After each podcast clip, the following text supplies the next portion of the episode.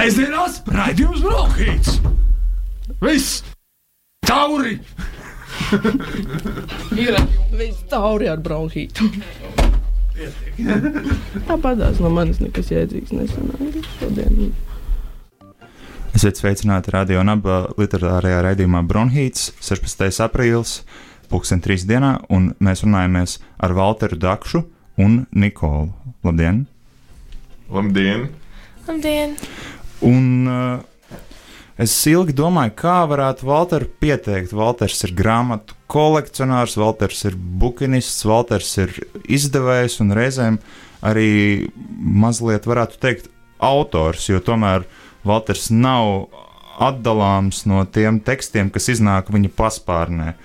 Bet uh, varbūt pirmais jautājums, ar ko es varētu šodien sākt, ir, kā sākās tavs ceļš uh, ar grāmatām, par grāmatām, pie šīs tavas nepārtraukti topošās un pārtopošās grāmatu kolekcijas?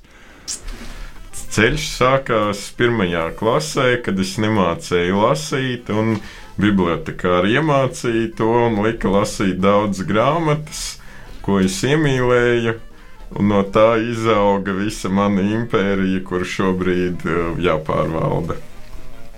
Bet uh, kaut kādā ziņā jau man liekas, ka šis stāsts ir pazīstams ļoti lielai daļai gan uh, bronhīta klausītāji, gan ļoti daudz citu mūsu viesu, ka vienā brīdī tu attopies pie šiem uh, grāmatu, teiksim, tā kalniem, uh, nebeidzamām rindām, bet tomēr ir tāda sajūta, ka tu strādā ar mazliet citu vērienu, un varbūt tas jautājums ir tāds, kas ir tas, kas tevi mudināja pacelt to tādā, tādā vērienā, proti, ka šī ir nevis tikai man, šis ir mans grāmatu plaukts, šī ir mana grāmatu istaba, bet šī ir, jā, kā tu saki, mana grāmatu impērija.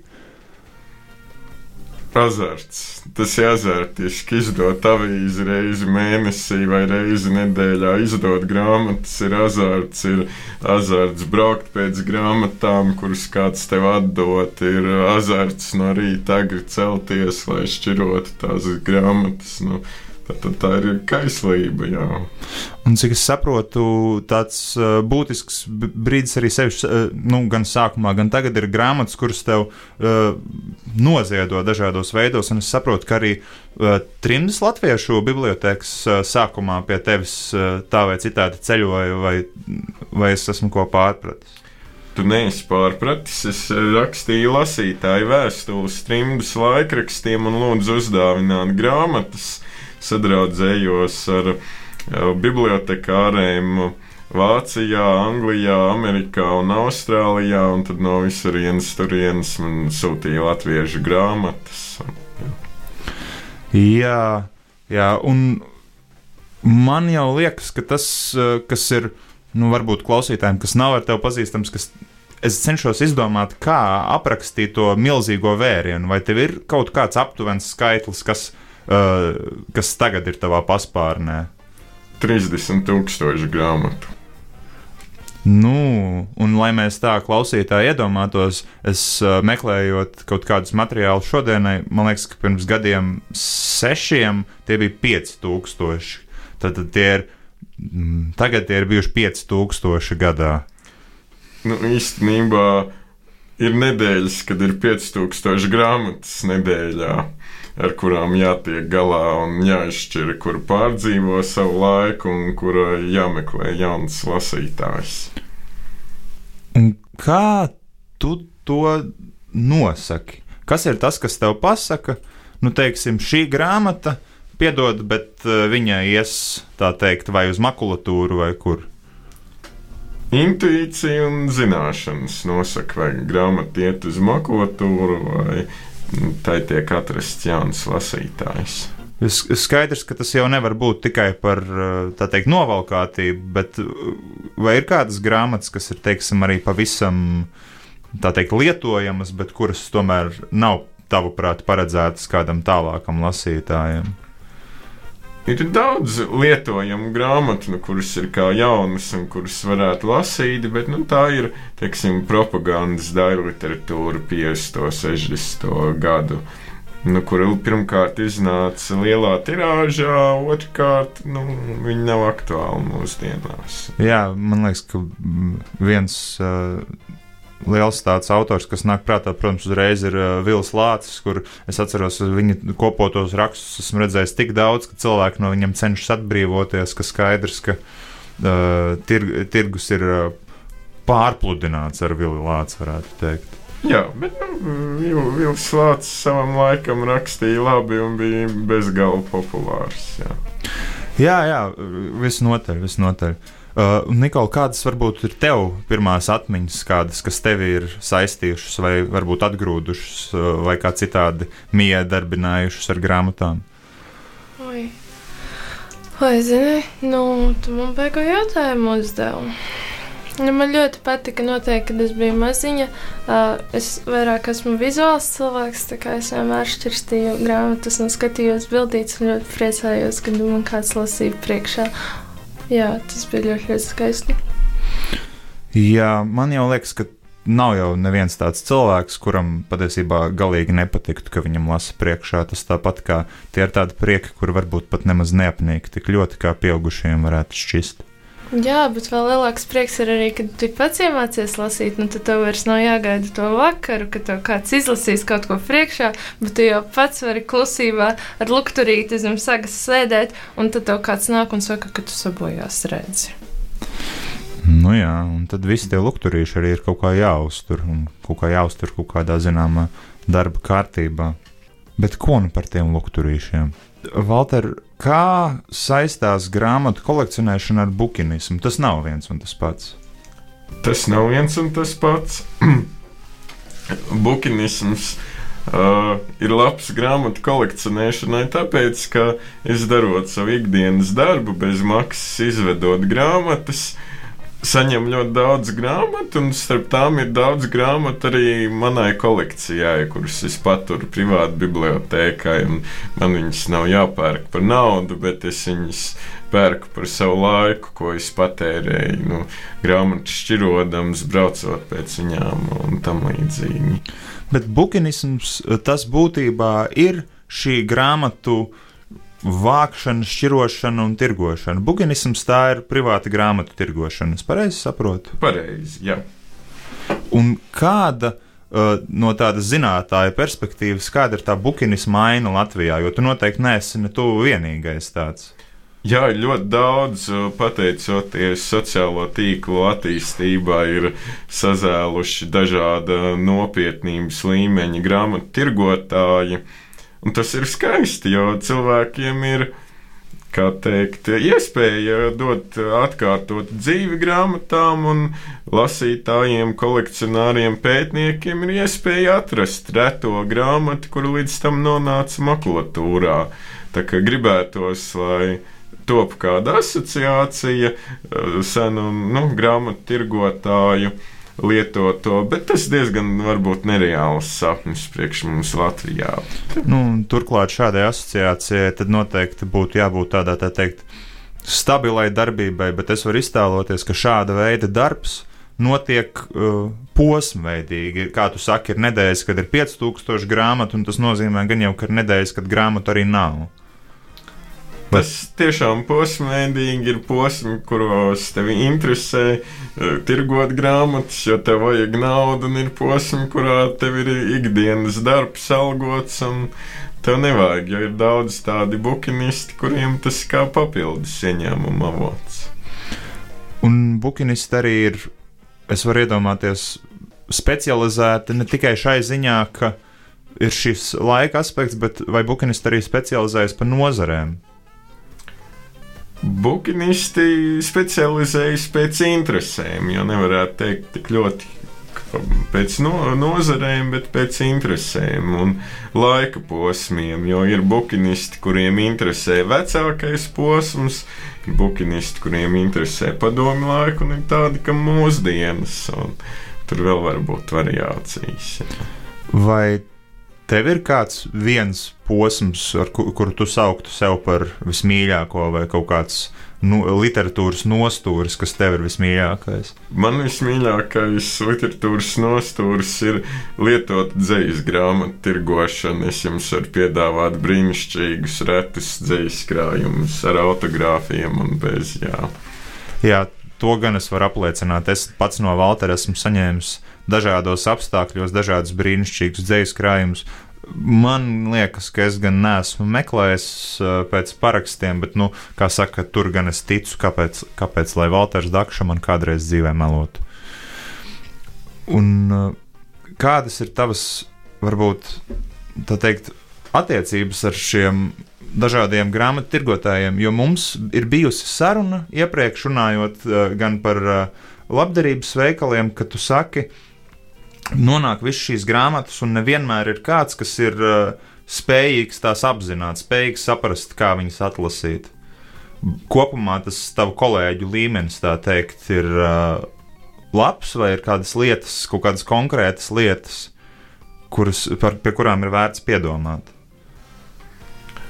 Vispār Latvijā ir vērts piedomāt pie tā, ka mēs daudz vācam makulatūru. Uh, ir šķiroto atkritumu konteineru, skolas vācu makulatūru, un mēs reāli nododam retas grāmatas un izglītību un uh, saikni ar citām paudzēm makulatūrā, ja tajā pilsētā nav kāds kaislīgs grāmatu entuziasts vai kolekcionārs vai bukinists, un mums jāpiedomā pie tā, ka tā ir biblioteka, kas veidojas mūsu dzīves laikā, ir veidojusies vecāku un vecāku dzīves laikā. Tā ir garīga vērtība, kur mums ir pienākums saglabāt, nevis nodot pārstādēji. Un tas, uh, es pieņemu, ka tu, tu to attiecini uz visdažādākajiem izdevumiem. Proti, glabāt uh, retas ne, ne tikai kaut kādas unikālas daļu literatūras, bet, teiksim, arī, kā tu saki, skolās kaut kādas grāmatas, tad arī tās uh, glabāt kā vēstures liecību. Ikvienu grāmatu, vai viņi ir par dārzkopību, juridisko literatūru vai par aušanu, ikvienai ir sava vieta informācijas bagātajā pasaulē. Un tu tiešām, kā tu saki, jā, arī par dārzkopību un juristiem. Uh, jo es redzu, tevi tirgojam arī šīs grāmatas, kas no manis ir tieši krietni tālākas, bet tev atrodas uh, lasītājs arī tā teikt, padomju laika dārzkopībai.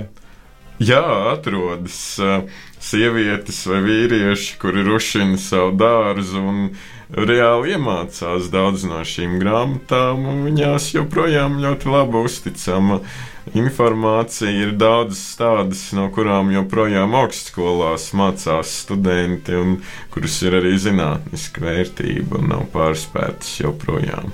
Oho, jo es tieši reizēm skatoties uz šādām vecākām, tā teikt, uzziņas literatūras grāmatām, domāju, nu, vai tas tiešām ir uzticami, vai es tiešām no tā ka, nu, skaidrs, ka dārzā es neko tā teikt nenomērdēšu, bet, bet rodas mazas šaubas. Bet uh, tieši šobrīd rodas izcila iespēja mazai muzikālajai pauzei, un pēc tās mēs atgriezīsim un paprasīsim Valdaram vēl par tikšanos ar savu lasītāju. Sēdzienās raidījums Brokhīts! Viss! Tauri! Ir viss tauri ar bronhītu. Tāpat no manis nekas jēdzīgs nesanāca šodien. Sveicināti radio un abu literatūras raidījumā Bronhīts. Ar jums ir Edvards Kuks, Valters Dakšs un Nikola, kura mums tūlīt pastāstīs par šo dīvaino, dīvaino dienu. Jāatzīst, jūs klausāties šo raidījumu 16. aprīlī, bet šī dīvainā, dīvainā diena, kurā mēs ierakstām šo raidījumu, ir 12. aprīlis. Nikola, lūdzu, stāst mums par šo dienu. Paldies! Jā, pastāstīšu. Nu, ziniet, es pavisam nejauši šodien Valteru satiku, un pavisam nejauši šodien šeit nonācu. Bet tajā visā ir arī kaut kādas noteikti likumsakarības. Kas šodien notika? Es pastāstīšu. Es šodien uzzināju, ka esmu par 4 centimetriem sarāvusies savos 24 gados. Kāpēc? Es nezinu, un es biju ļoti, ļoti sarūktināta. Tā mēs satikāmies ar Walteru, un viņš mani mērīja ar, ar lineālu pie durvju stendera. Bet varbūt tas bija kaut kāds sliktais lineāls. Nē, viss bija pareizi. Es šodien esmu pārmērīta vesels trīs vai četras reizes. Ak, Dievs! Tiešām, ak, Dievs! Un tālāk? Un tālāk, nu, zini, es biju ļoti sarūktināta, un es gāju uz mājām ar diviem saldējumiem. Ar vienu kasti, jo es vēlējos ēst kokas rīku saldējumu, un tad es vēlējos ēst kokas rīku un aviņu saldējumu. Es saprotu, ka tam nav, nav vispār nekāds sakars ar avīzi, bet kaut kādā ziņā ir, jo es taču esmu šeit, it kā. Un tad es satiku Walteru, un es viņu uzcienāju ar saldējumu, un tad mēs gājām, bet es gāju uz mājām, un es gribēju mājās raudāt un ēst saldējumu jo bija daudz nu, nepatīkamas lietas notikušas. Un tas pēdējais punkts bija tie 4 centimetri. Jā. 4 centimetri tas ir diezgan daudz, bet es, es varu te mierināt tikai ar domu, ka Latvijā vienkārši ir salīdzinoši ļoti gari cilvēki salīdzinot ar pasauli. Tāpēc varbūt attiecībā pret pasauli to es kļuvusi mazliet, es nebiju, nebiju šo šī vārda normālāk. Nē, es biju pirms tam 1,77 m. Bet saproti, Valters ēda saldējumu, es ēdu saldējumu. Un tad viņš man teica, ka esmu nopelnījusi avīzi. Varbūt eh, kaut kādā ziņā nopelnījusi, nenopelnījusi. Es jūtos, ka šī avīze mums visiem ir tāda kā dāvana, jo tas ir kārtējo reizi pierādījums, ka nu, vienkārši var. Vai tev ir bijusi iespēja apskatīt avīzi, kuras avīzes nosaukums ir avīzes nosaukums? Zini, tagad ir, pirms tam nav bijis. Valter, varbūt tu mums vari mazliet pastāstīt, uh, kas stāv aiz avīzes nosaukuma, proti, kas uh, ir šī jaunā projekta dzinulis? Dzinums ir darboties un izdot avīzi. Mēs satikāmies dzinieku un dzinieces. Paldies Mārai Ulmei un Betijai zvejniecei. Mēs runājām, jokojāmies, smējāmies, teicām, ka vajag izdot avīzi.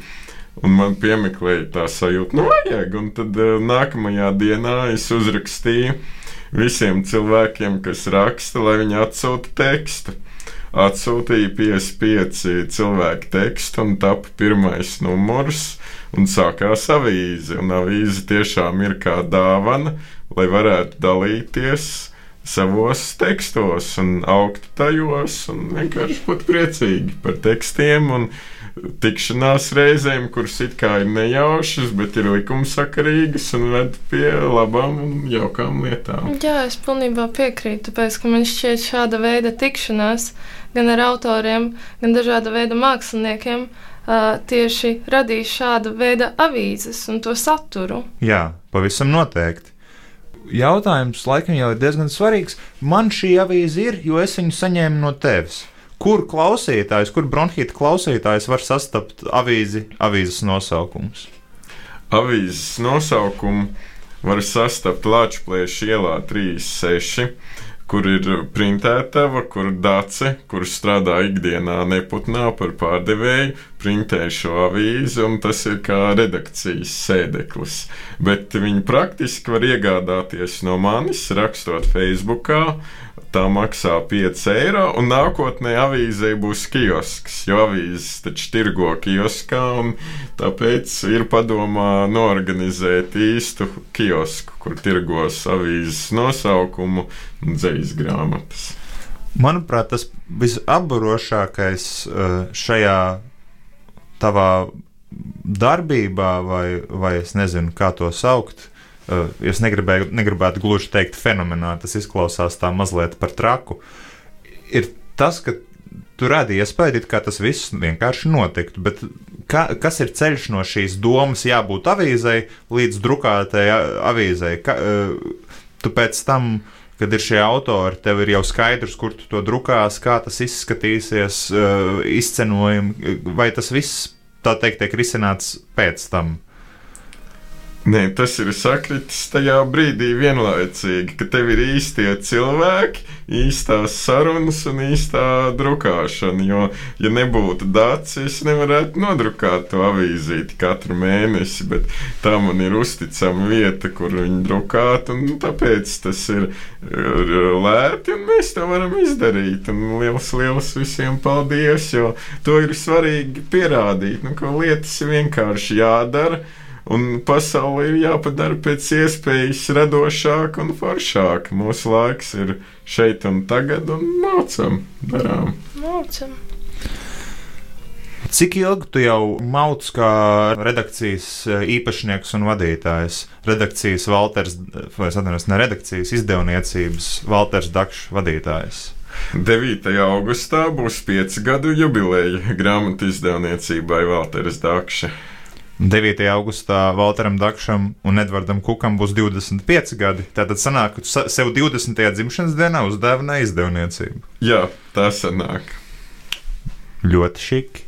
Kas bija tavs uh, pirmais, pirmais projekts izdevniecībā? Pirmais projekts bija Demon Kondom. Enāra Pelša leģendārā grāmata, jo viņš tieši 9. augustā bija Facebookā ielicis sludinājumu mīļie apgādi, kurš grib mani. Un es sapratu, man bija sapnis, ka es gribu izdot grāmatas. Tā kā šis ieraksts ir 9. augustā, es sapratu, ka visums saka, nu, ka Valter nav ko gaidīt. Tev jādara arī tagad un jāpiepilda savus sapnis, izdot grāmatas. Un kopš šī brīža varētu teikt, ka tu esi bijis uh, Enāra Pelša kopoto rakstu uh, veidotājs vai neteiksim turētājs, bet, bet ir jau bijusi doma, vai tas ir ticis jau pasniegts kā daļa no viņa kopotiem rakstiem, ja tā pareizi saprotu. Tieši dīgi, dīgi, piemēram. Jā, mm, Enāra Pelša kopotie raksti ir bezgalīgais izdevums, kur var turpināt un turpināt, un kurā jau izdotajos sējumos tu vari vērties kā ūdenī, kurš plūst vai ugunī, kas deg, un iegūt atklāsmes par literatūru. Gan reāli šķirstāmā grāmatā, digi, digi, gan kopoto rakstu sējumā, kurš ir īsts fabriks lodi ķieģelis. Un tad, kad tev tas apnīk, tu vari ieskatīties goda rakstā, kas saka, jebāķi, tu esi malacītis, ka esi šajā pasaulē. Tā kā absolūti lielisks un nebijis kopoto rakstu izdevums. Un turklāt kopotie raksti, kuri ir tādā, es varētu teikt, tik straujā tapšanā, tik nepārtrauktā tapšanā. Bet uh, uzreiz, man, nu man, protams, uh, viena no manām asociācijām ar izdevniecību Walters Dakša ir uh, fantastiskais logotips, kurā ir apvienots Walters un Dakša. Nu, proti, klausītājiem iesaku iegūlēt izdevniecību Walters Dakša, jo es negrasos pastāstīt priekšā šo vizuālo metaforu. Bet, protams, otra man lielā doma, personiskā saikne ir uh, caur kā pārvarēt nieza galvaskausā, kurā man bija tas gods uh, arī atrasties. Un tavs autoru lokus patiesībā ir ļoti. Es nevaru teikt plašs, uh, jo ir pagājuši tikai nepilni pieci gadi, bet jau ļoti dažāds. Un iesākot ar uh, autoriem, kuriem tas ir bijis pagaidām debijas krājums, uh, beidzot ar uh, leģendāro mākslinieku Māri Bišofu. Un kā tu nonāc uh, pie šiem autoriem, vai kā šie autori nonāk pie tevis? Nu, teiksim, Reinis Sirmābols. Kā jūs satikāties ar Reinu Sirmābolu? Mm, Šajā satikšanās nozīmē ļoti svarīgas ir vietas un telpa, un to varētu nosaukt par nu, kaut kādu telpas ģeopoētiku vai arhitektūru, jo tu satiec cilvēkus vienās un tajās pašās mākslas izstādēs, bāros un galerijās. Un jūs nonākat pie tā uzstādījuma, ka satikšanās tā nav tikai lai iedzertu tāliņu un hi-hi, ha-ha, bet kaut ko kopā radītu un iedarbotos tālāk uz sabiedrību un citiem cilvēkiem. Un tā. Jā, un es domāju, ka tas ir ļoti svarīgi. Nu, vismaz es, es kā autors varu iztēloties, tāpēc ka tā ir daļa no tās uzticības, ko autors veido ar savu izdevēju. Tā ir daļa no literārās vidas, jo nu, cik mēs esam, tik mēs ā, esam jāparūpējas. Nu, nu, kaut vai atsūtot viens otram savus dzējoļus, nolasot, izlasot, pasakot savu viedokli, un tas jau palīdz. Tas nu, atbrīvot, nejūties kaut vai vientuļš, vai iegūst pārliecību. Jā.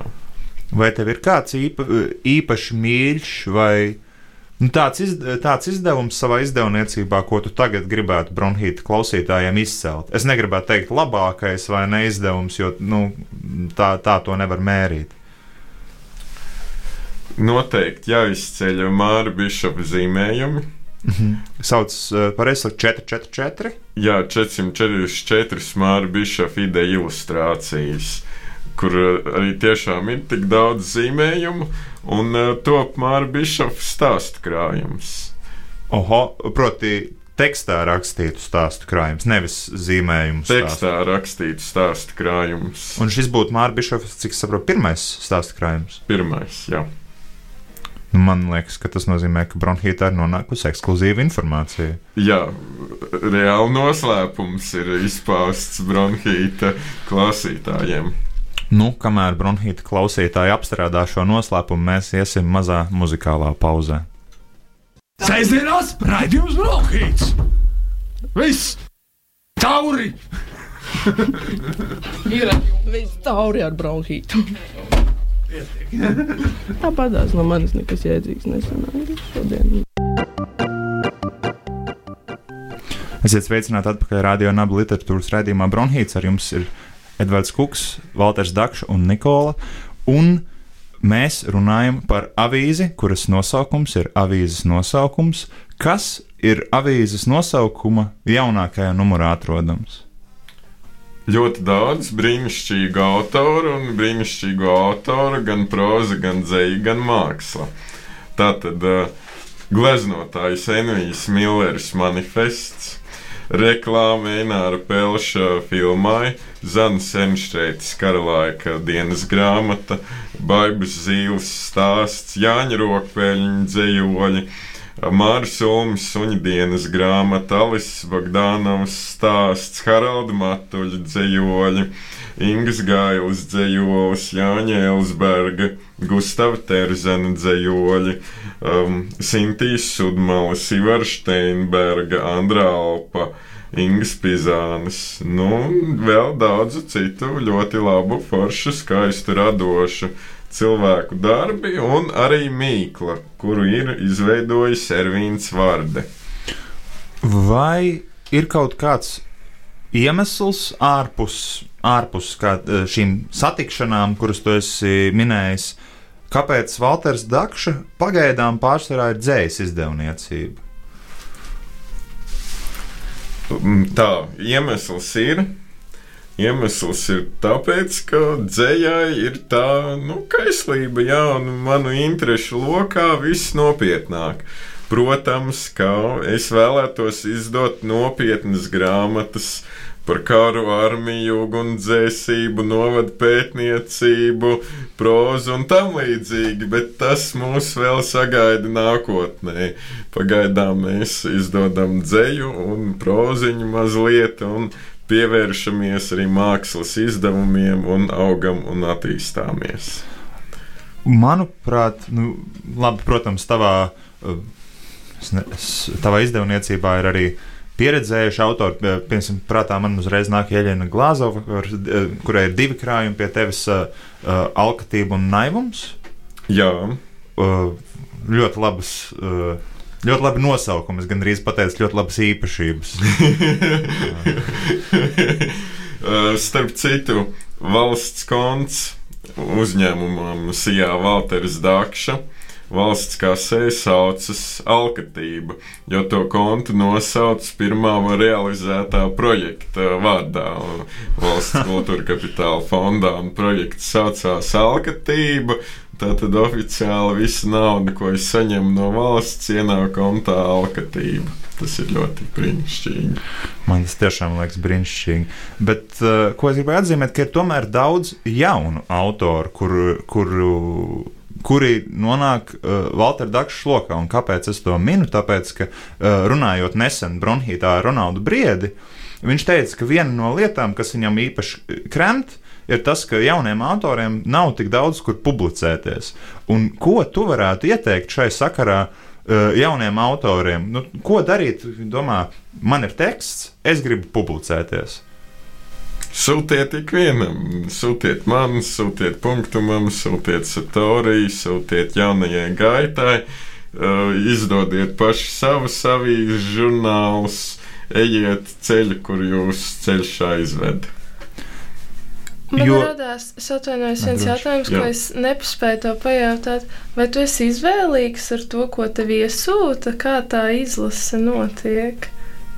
Es neesmu izvēlīgs. Es atļauju publicēt arī ne, tik, ne pašus labākos tekstus, bet uh, es atļauju viņus publicēt, lai tā būtu motivācija autoram uzrakstīt kaut ko labāku un konsultēties. Un Piedzīvot to debiju un ienākšanu literatūrā, jo es pievienojos tam Ronalda Brieža sajūtai, ka tiešām nav daudz vietu, kur publicēties.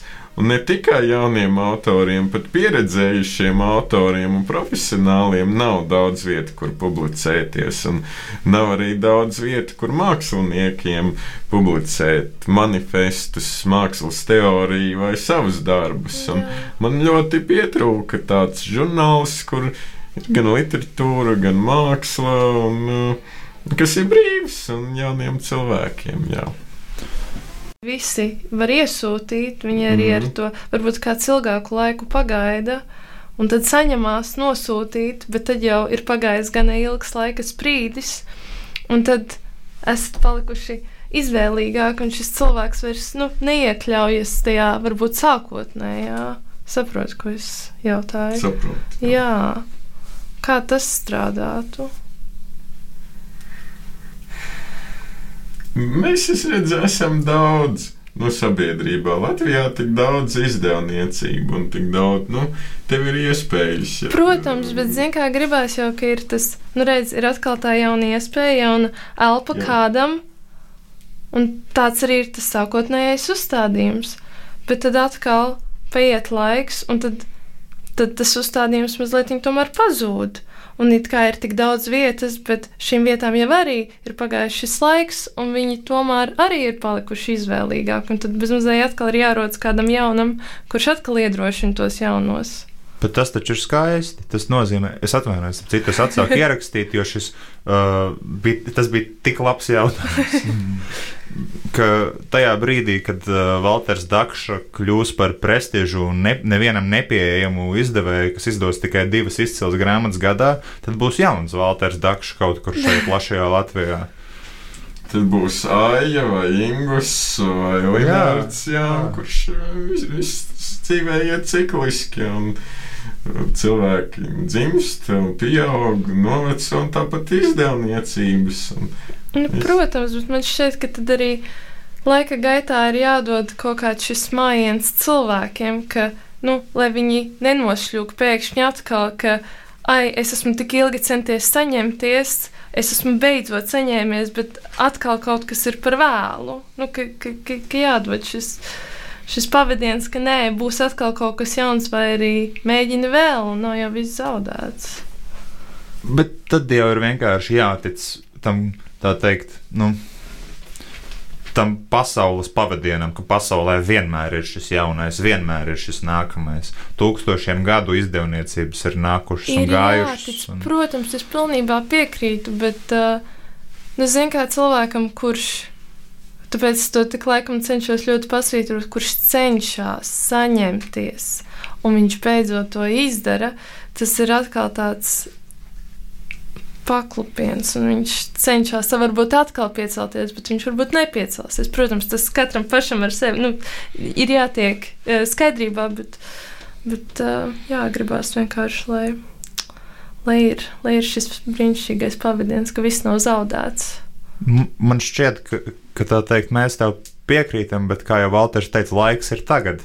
Tagad šī avīze ir, tagad šī avīze būs, un nākamgad, ja viņa cik ilgi vien būs, būs iespējama reize nedēļā, tad šis ir tas zelta laiks, kad, kad, kad to saņemšanos novest līdz nosūtīšanai. Jā, jā. Um, ne, nekā citādi tas jau diemžēl nenotiek. Tu raidījuma sākumā minēji, bet tu sestdien uh, privātā sarunā man stāstīji mazliet uh, detalizētāk. Ir kaut kādā brīdī plānots avīzi pārnest uz nedēļu raksta formātu. Jā, nākamgad ir plānots iznākt reizi nedēļā. Man tajā brīdī, un vēl ar vienu tas pirmais lielais jautājums ir, kur mēs ņemsim tik daudz satura? Vai tiešām mēs esam spējīgi, vai varbūt vai mēs tiešām nākamgad jau būsim spējīgi nedēļā sarakstīt pa visiem šīs 50 uh, vai cik tev šobrīd ir lapuses? 28 lapas puses šobrīd ir, un man ir kaujas plāns, kā to izdarīt, tas jāsāk realizēt. Var sakot, katram numuram ir cits galvenais redaktors, kuram ir jāsavāc avīzes tekstu korpus, dodot iespēju tiem viņa paziņām un draugiem un uh, literātiem publicēt savus tekstus un māksliniekiem, lai veidotos cits skatījums uz procesu. Tātad, kad avīze iznāks reizi nedēļā, tie būs 55 cilvēki, kuriem būs izdevība izveidot savu avīzes nosaukumu. Reāli pusgadu iepriekš ir jau jāizveido tas saraksts, lai viņiem ir laiks sagatavoties, saplānot savu laiku, un lai mēs to varam arī īstenot. Un tas būs avangardiski to izdarīt. Jā. Man ik pa laikam ienāk prātā šis jautājums, un ne tikai šī raidījuma sakarā, bet pēdējo gadu laikā. Cik bieži, cik, kāda ir proporcija starp Waltera Dakšas ie- iecerēm, kuras nonāk līdz lasītājiem, un tām, kuras eh, nenonāk līdz lasītājiem? Aptuveni trešdaļa paliek dzēruma sarunas. Nu, kad tu kaut kur bārā sarunā un to neizdari, skaidrā prātā runātājs tiek izdarīts. Jā. Tā kā divas trešdaļas tiek īstenotas. Nu, trešdaļa ir tāda nu, nejaušība, ieslēdzās un cilvēciskais faktors. Jā. Bet man jāatzīst, tas ir ļoti labs rādītājs, divas trešdaļas šādu visādi ieceru realizēt. Mm, skaidrs, ka tu saki, tas, ta- tas spēks nāk no azarta. Uh, vai tu esi arī tikpat azartisks lasītājs? Kas ir, kas ir tas, kas uh, pēdējā laikā, piemēram, ir tev piesaistījis kā lasītāju? Es esmu azartisks lasītājs, bet man ir jālasa daudz arī neliterāru tekstu un darbu ziņas no cilvēkiem. Gan par manu izdevniecību, gan par lietotu grāmatu pirkšanu. Man jālasa ir teksti, ko avīzē iesūta. Es cenšos sakot līdzi jaunākajai literatūrai un izlasīt. Pieņemsim Gundegas repšas jaunāko grāmatu par sarunas ar sīko, te ir arī īsa atsauksmīte vai Anna Sauziņas mājokli, jo ir tādas grāmatas, kuras tu nevari neizlasīt, jo nu, tu sajūti kaut kādu mīlumu, kurš tev dzīvē ir nepieciešams. Un tad ir tādas grāmatas, kuras tu gribi, lai tev ir plauktā, un tad ir tādas grāmatas, kur attēlus tu gribi skatīties un no šiem attēliem iegūt savā valodā kaut ko. Jā. Tu saki, kaut kādas grāmatas, kas dod mīlumu. Es tur pilnībā piekrītu. Sevišķi. Es neesmu lasījis jaunāko Gundegas repšas uh, grāmatu, bet par Annas mājokli. Sapratu, Anna viesojās Bronhītā arī ar mājokli. Es varu piekrist tieši par šo mīlumu. Bet vai tu grāmatās meklē, tad sanāk kaut kādas konkrētas sajūtas, vai tā teikt, ko tik dos, to es ņemšu. Mm, Grāmatās es meklēju arī, nu, tur ir ielikta tā dzirkstele. Viņi var nākt no dažādām emocijām, no viskaut kā viņi var nākt, bet tur jābūt tam sprakšķim no mikrofonā, piemēram. Nu, vai tas ir grāmatā? Nu, tas var būt mūža darbs, tas var būt divu nedēļu laikā intensīva procesa rezultāts, jo tu jau atšķiri labu grāmatu no sliktas intuitīvi. Un tā intuīcija arī ir. Nu, jā, tas, tas, tas, manuprāt, kad mēs runājam par intuīciju, ir jau jāsaprot, ka tā intuīcija nav kaut kas tāds galīgi abstrakts. Tā ir kā prasme vai juteklis, ko var trenēt. Nu, profesionāls. Uh, Nezinu, literāts vai literatūra kritiķis uh, šo intuīciju uztrenē tā kā tādu jutekli. Tā ir uztrenēta arī balstoties teorijā un praksē. Jā. Vai tev sanāk reizēm arī vilties? vilties. Man sanāk, cilvēkos, kuri ir vīlušies sevī un, netic savam talantam. Jo, un, to man gribas novēlēt, lai jums ir ticība savam talantam, ka jums ir tā dievišķā dzirksts, ka jūs varat radīt dzīvību. Citu, es, es biju iedomājies vienā brīdī, ka uz raidījuma pašām beigām būtu jāprasa kaut kāds novēlējums, jo raidījums izskan uz, negluži lieldienās, bet tieši pirms lieldienām. Bet lūk, mums ir jau viens ļoti skaists novēlējums. Ticēt uh, savam radošajam spēkam, un es pilnībā piekrītu, jo man liekas, ka, nu, ja man kaut kas saistās ar cilvēcisko, tad tas ir visa cita starpā arī radošums tas, un tas radošuma plašums. Vai tev ir kaut kādas, varbūt, Nu, es, es, kāpēc es prasu par nerealizētajām iecerēm? Tāpēc, ka man, manī kņūt zinkāri par tām lietām, kuras mūs varētu būt sasniegušas, bet varbūt drīzāk ir jājautā, kas ir tāds uh, lielāks sapnis. Nu, proti, nevis varbūt nākamā grāmata, ko izdot, bet, bet uh, vai ir kāds uh, tas, tas lielās bildes sapnis? Nu, šobrīd tāds patīkams brieduma, brieduma apziņa, ka tu zini, ka tu vari izdarīt lietas, un tev, tev jādara. Tu nevari tik daudz atļauties sapņot par viņām, jo bieži vien tas sapnis ir kārdinošāks nekā realitāte. Bet, ja tu rīkojies, tad tas padarītais darbs tev sagādā gandarījumu, nevis tā ilgošanās pēc tā neaizsniedzamā sapņa. Un Tāpēc ir jāstāv pie tā, kas ir šobrīd, un tas jāturpina attīstīt. Un tā lielā bilde, ko es tā varbūt nevaru un negribu stāstīt, jo viņi ir nu, iztēloti, bet nu, tur jādara, lai viņi īstenotos. Jā. Jā. Mēs drīz atgriezīsimies pie sarunas ar Walteru, lai apveicātos par īpašiem dārgumiem viņa kolekcijā, bet pirms tam maza muzikālā pauze. Sēžamās raidījums Brokhīts. Viss! Tauri! Ir viss tauri ar bronhītu. Tāpatās no manis nekas jēdzīgs nesanāca šodien. Esiet sveicināti radio un abu studijā literatūras raidījumā Bronhīts. Ar jums ir uh, Es Edvards Kuks, izdevējs Valters Dakšs un Nikola. Un Uh, raidījuma izskaņā es gribētu pajautāt, varbūt dažus jautājumus, Valter, par tavu kolekciju, tieši par tavu personisko kolekciju. Um, vai tev ir kaut kāds skaidrs punkts, pirmkārt, kur beidzas uh, tava privātā kolekcija un sākas tavā publiskā kolekcija? Tas skaidrais punkts ir. Salīdzināsim to ar manu dvēseli. Nu, tas man ir pie sirds, un tā man ir privātā kolekcija.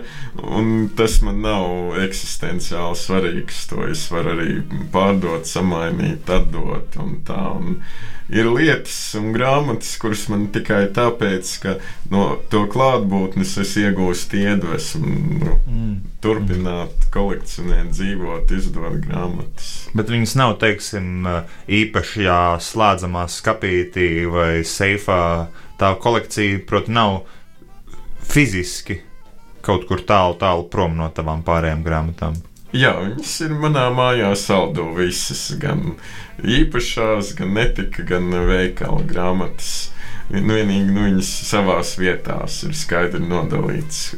Tās palodzes ir man ļoti tuvās grāmatas, tajā grāmatu plauktā ir mana dzīslas grāmatu kolekcija, un um, pie rakstām galda ir tādas grāmatas, ko vajag atšķirt bieži. Vai, vai tev ir kāda? Nu, varbūt ar tā, tik daudz grāmatām, cik ir tev, tā varētu nebūt viena, bet vai tev ir kādas i, nu, paši, paši lielākie dārgumi, tādi, kurus tu esi gatavs pastāstīt mums? Tad pats lielākais dārgums man varētu būt grāmatas ar mājas silmālas ierakstiem. Viņi bija tulkotāji un atzīvotāji no franču valodas. Viņi sastādīja ļoti leģendāru franču dzīslu antoloģiju, kuru gan tai paudzei, gan daudzām citām nākamajām jā. paudzēm bija ļoti īpaša grāmata. Jā, es tevi turpinu. Jā. Jā. Jā. Un eh, tad man ir Ināras kājas eglītes dzēnietis, jeb Toma arhīvs pie manis. Nu, viena maza daļiņa, bet tur ir uh, īpašas lietas, gan uh, mēlārta paraugi, gan ulža bērziņa dzējoļa rokrakstā un kaut kas tāds. Jā. Tava kolekcija, un to ir tiešām vērts uh, pieminēt, nesastāv tikai no grāmatām. Tie ir arī rokraksti, tās ir vēstules, tie ir, kā es uzzināju, goda raksti un, un ordeņi. Uh, vai tu jau esi sadarbībā kādā ar muzejiem un arhīviem, vai tu jau rēķinies ar šo šī mantojuma nodošanu vēl tālāk? Tas ir tāds kutelīgs jautājums. Jo ikdienas darbā bieži vien sanāk saskarties, kad man nonāk pie manis kaut kas, kas interesē, piemēram, Liepājas muzeju, un tad es ar viņiem sazinos un tad norganizēju, lai tās lietas nonāk pie viņiem. Bet par savu pašu privāto kolekciju es pagaidām esmu laimīgā neziņā par tās likteni. Tā ir pie manis. Un, un, jā. Jā varbūt kā pašu pēdējo, un atkal cerams jautājums iedvesmai kādam klausītājam. Kā tu ieteiktu kādam, kurš grib sākt savu kolekciju vai sākt eh, nu, kaut, kaut, kaut kādu īpašo lietu vākšanu, tā teikt, no kura gala sākt? Kā zināt, ka šis, tas, ka šis ir tas īstais un ka, tās, ka tie ir graudi nevis spēlēvas, teiksim tā? Ļoti sarežģīts jautājums. Tas atnāk pie tevis. Tu jau pats to uzzini dzīves procesā. Es varu dot praktiskus padomus, kā kaut ko kolekcionēt. Jo ir pāris tādi nerakstīti kolekcionāru uzstādījumi, ka labu kolekciju tu, piemēram, iegūst par velti. Tu viņu kaut kādā ziņā iemanto par brīvu, un tas ir sarežģīts posms, tāds uz jautājumu zīmes. Par to var diskutēt, vai tiešām tā ir un ar ko tu maksā par savas kolekcijas izveidu. Un otrs, kolekcionāra ticējums, ka nevajag skaitīt, tad lietas nenāk vairāk klāt. Mm. Jā. Jā. Lūk, daudz atziņu, un es teiktu, ka tiešām ļoti daudz iedvesmas šajā bronhīta raidījumā mūsu klausītājiem uz lieldienām mums šajā ļoti, ļoti neparastajā otrdienā. Uz sadzirdēšanos citu sestdienu mēs no jums šodien atvadamies un priecīgus svētkus! Atā!